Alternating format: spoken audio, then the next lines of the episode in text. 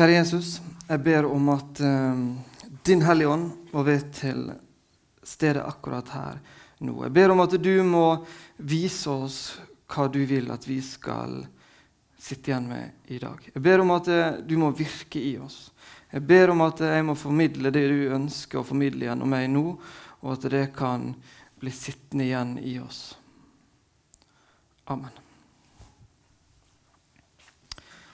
Vi går rett på og leser noen bibeltekster. Så lenge jeg tidde, ble mine knokler tæret bort mens jeg stønnet hele dagen. For dag og natt lå din hånd tungt på meg. Min livssaft svant som i sommerens sete. Starten på Salme 32. Vi hopper til 2. Samuel 12. Herren sendte Natan til David. Han gikk inn til kongen og sa:" Det bodde to menn i en by. Den ene var rik, og den andre var fattig. Den rike hadde småfe og storfe i mengder. Den fattige eide ikke annet enn et eneste lite lam som han hadde kjøpt. Han alte det opp, og det vokste til, vokste til sammen med barna hans. Det spiste av brødet hans, drakk av begeret hans og lå i fanget hans. Det var som en datter for ham. En dag kom det en vandringsmann til den rike.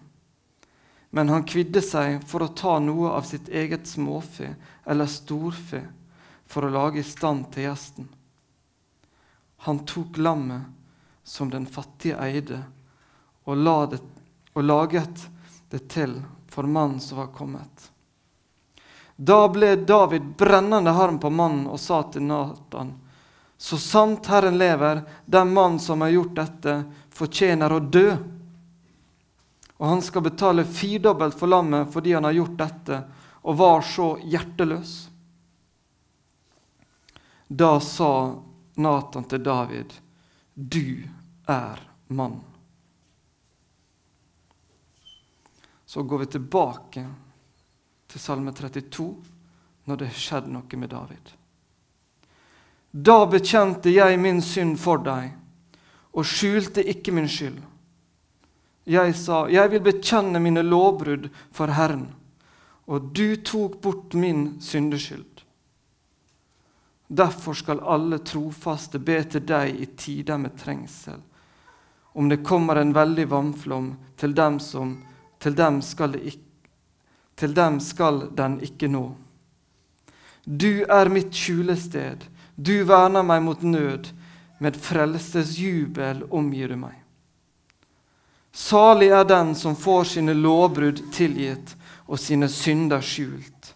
Salig er det mennesket som Herren ikke tilregner skyld, som er uten svik i sin ånd. Disse versene fra Salme 32 og fra 2. Samuel 12 tar oss rett inn i det som vi skal snakke om i dag. Rett inn i dagens tema. For hva gjør synd med oss? Hvordan forholder vi oss til synd? Når vi er skapt på ny, født på ny, nye mennesker, hvordan kan det være at vi fortsatt da har synd? Lever med disse her tinga, tenker negative tanker om oss sjøl og om andre mennesker? Vi er så lett for å sammenligne oss med andre og tenke kanskje om andre mennesker som vi veit har gjort noe galt. At det ser ut som de kommer seg unna sjøl det gale de har gjort.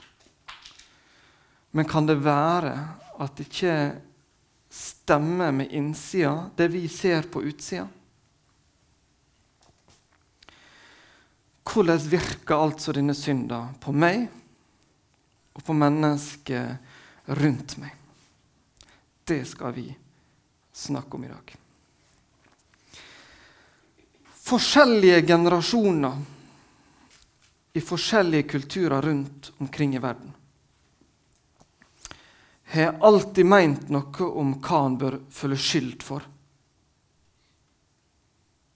Skyld har vært et tema som alle har meint noe om. Men noe som er helt spesielt for vi som lever i Vesten i dag, det at vi blir fortalt at vi bør føle skyld for å ha skyldfølelse. Vi har grunn til å føle skyld for skyld.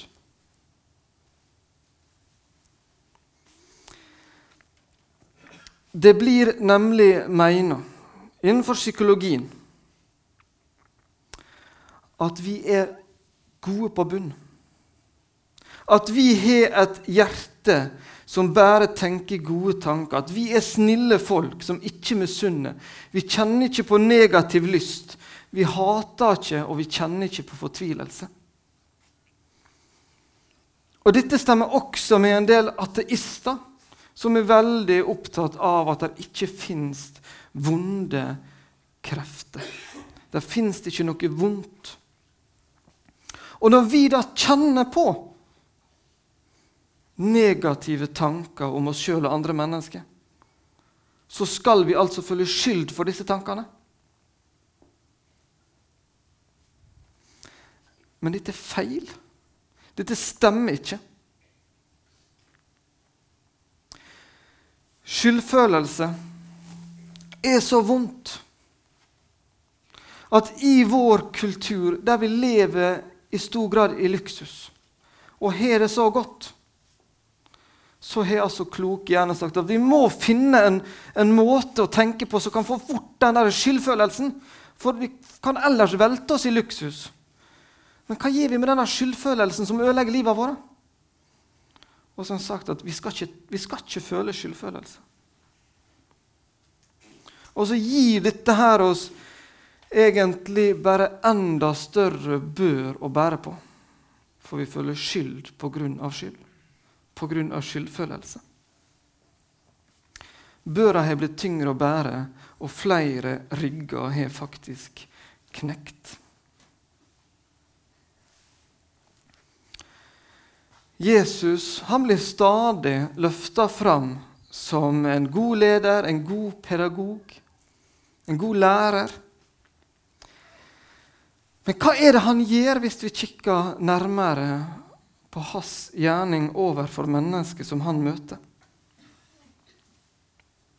Han peker direkte på menneskers skyld og synd. Gjør noen dette her i dag,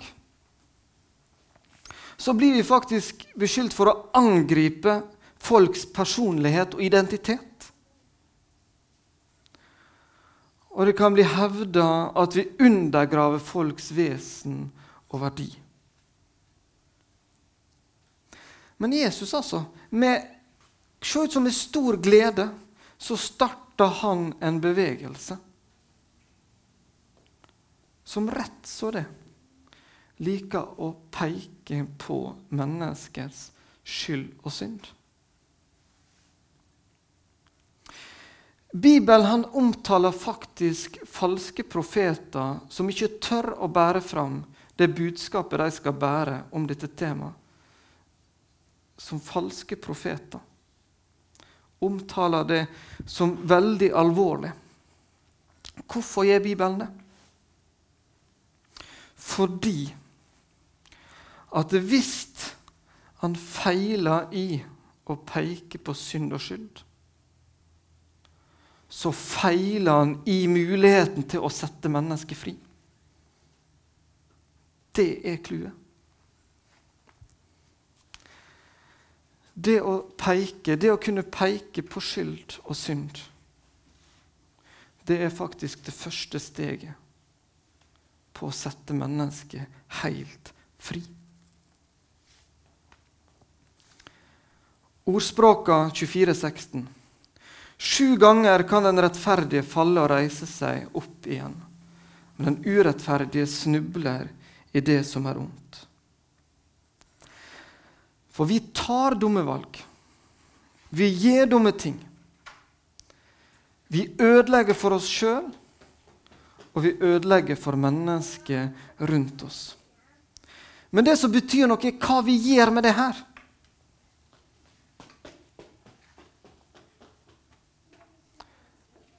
Prøver vi å skjule det?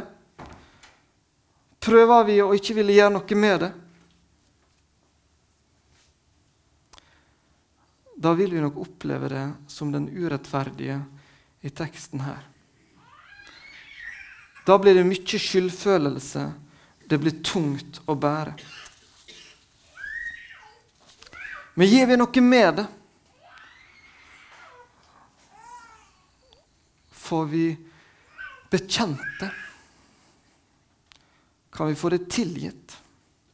Så kan vi reise oss igjen. Her, ja. Slik går det når jeg er litt taletrengt i dag.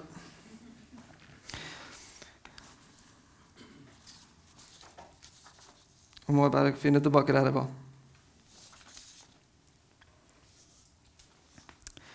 Adam og Eva, etter at de hadde synda mot Gud, så prøvde de å gjemme seg i hagen. Og de hadde ikke det godt. Og vi leste i teksten fra starten av Salme 32 hvordan David følte det når han prøvde å skjule sin synd. Han hadde tatt en annen manns kone. Og han hadde fått til at den egentlige mannen til denne dama ble drept. Kanskje noen av de menneskene som levde rundt David, tenkte at det ser ut som han som konge kan komme seg fra dette her. han. Det kan faktisk se ut som at han klarer å glatte over dette her og leve som ingenting. Men vi ser der i Salme 32 hvordan David hadde det inni her. Han hadde så mye skyldfølelse at han følte han nesten ble spist opp innenfra. Så ser vi hva som skjer når Nathan får lov til å si 'Du er mann'.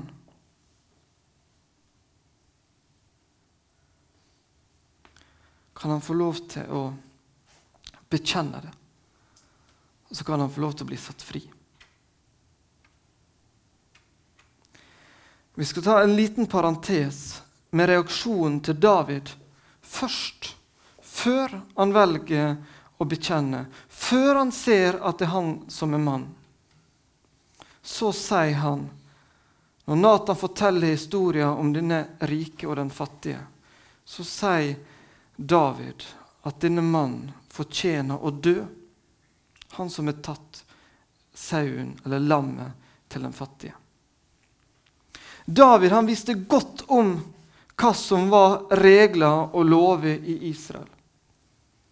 Han visste at det var fastsatt hva som var straffa for å stjele en sau.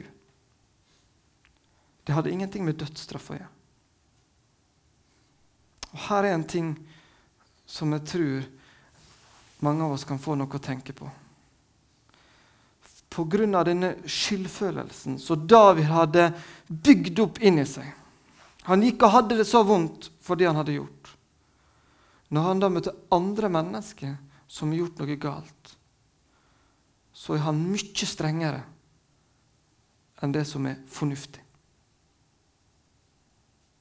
Går vi med skyldfølelse, får ikke tilgitt det gale vi har gjort, så overreagerer vi på andres synd, på andres skyld.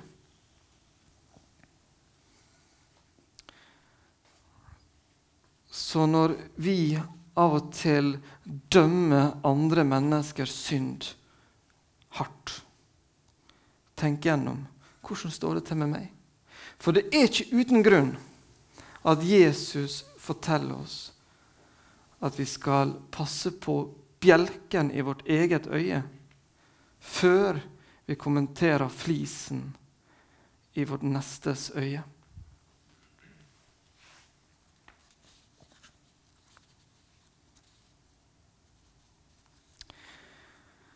Akkurat hva som skjer rett etter at Nathan sier 'du er mann', det står ikke så mye om. Jeg vil tro at det skjedde mer enn teksten vår forteller. For vi skal ikke bagatellisere det å få en sann beskjed om at du er mann. Vi er den skyldige. Det kan gjøre veldig vondt. Det er tøft å bli konfrontert. Det kan medføre smerte. Men det er fantastisk å lese andre del av Salme 32 og se den frelsesjubelen som David uttrykker. Han har blitt satt fri. Han har fått lagt alt dette bak seg. Det som tynga han så tøft, det kunne han få lov til å legge bak, bli ferdig med. I stedet for å gjemme seg for Gud, så kunne han få lov til å søke tilflukt hos Gud. Det er en stor forskjell.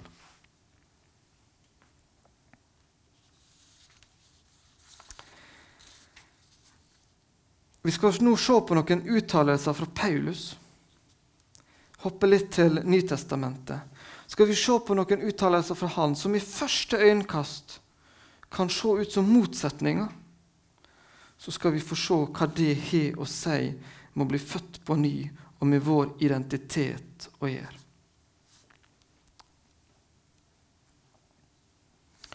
Fra Romerne 7, 18.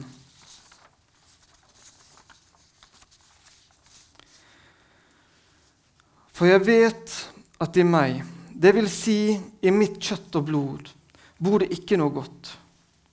Viljen har jeg, men å fullføre det gode makter jeg ikke.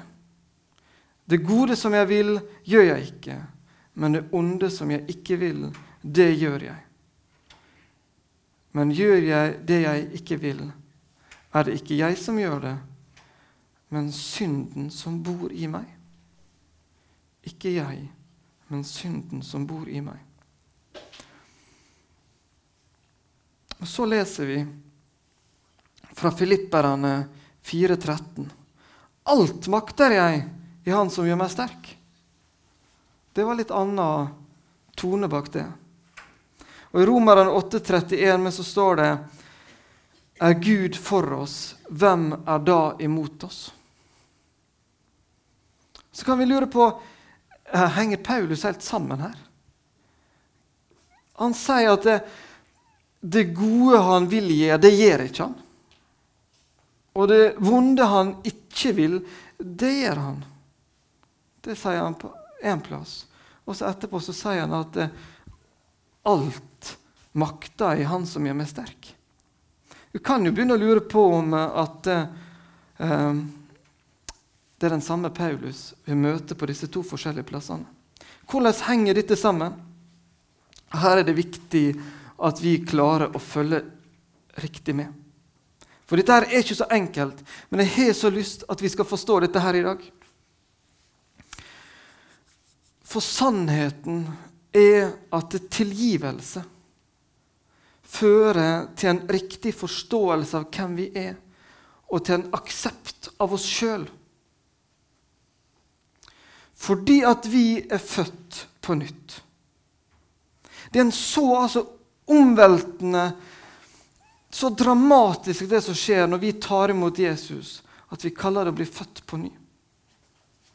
Som jeg sa om sist søndag Den hellige ånd lager en link mellom oss, en ny skapning inn i vår kropp, med en link til Gud.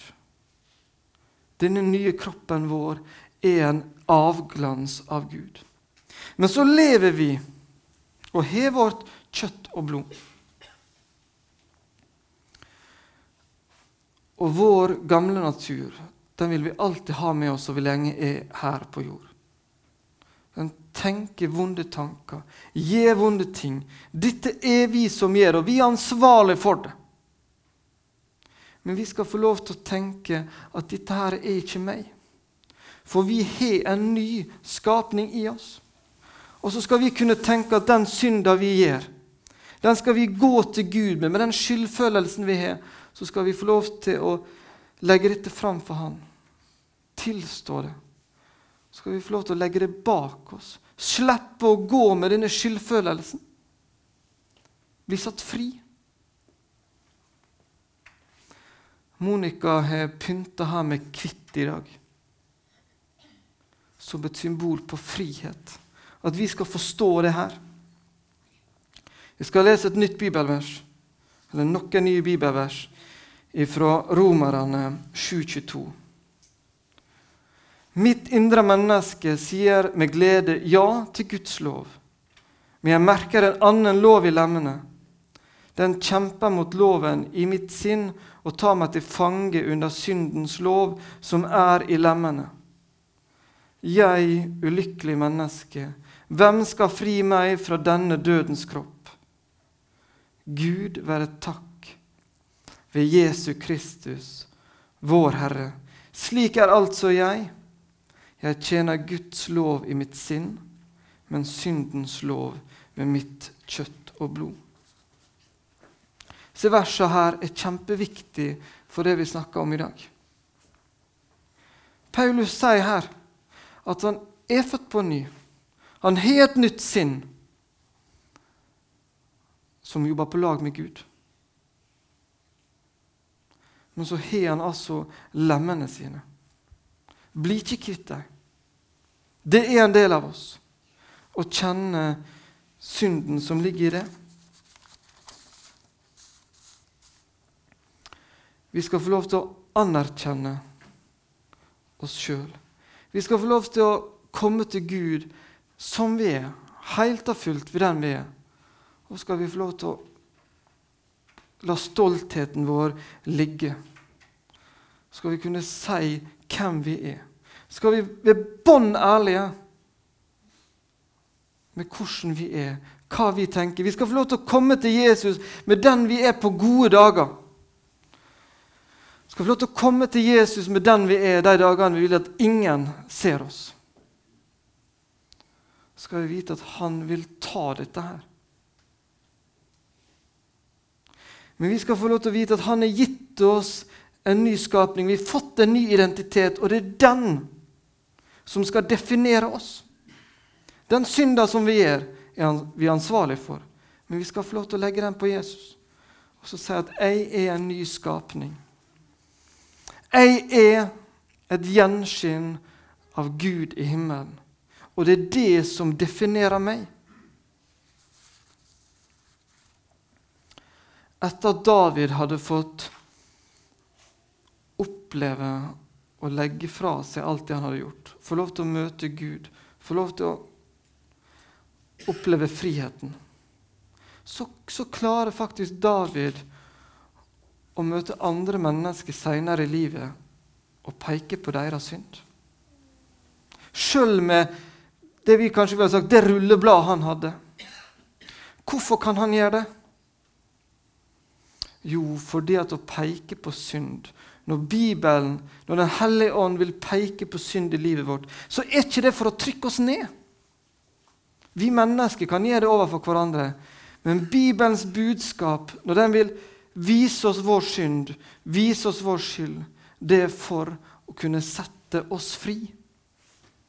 At vi skal kunne oppleve frihet. At vi skal få lov til å legge bak det som vi har gjort. Gud vil så gjerne at vi skal få lov til å kjenne at denne nye identiteten vår Det er den som definerer oss så skal vi få oppleve å stå for Han helt fri. Så skal vi slippe denne skylda. Det er som verden sier til oss, at du bør føle skyld både for det gale du tenker, men også skyld for at du tenker skyld. Det er feil. Har en bibel som sier at den peker på synd. Jesus peker på synd og skyld i vårt liv, men for at vi skal få lov til å få tilgivelse og oppleve frihet. Så skal vi få lov til å leve ut den rettferdigheten han har gitt oss. Amen.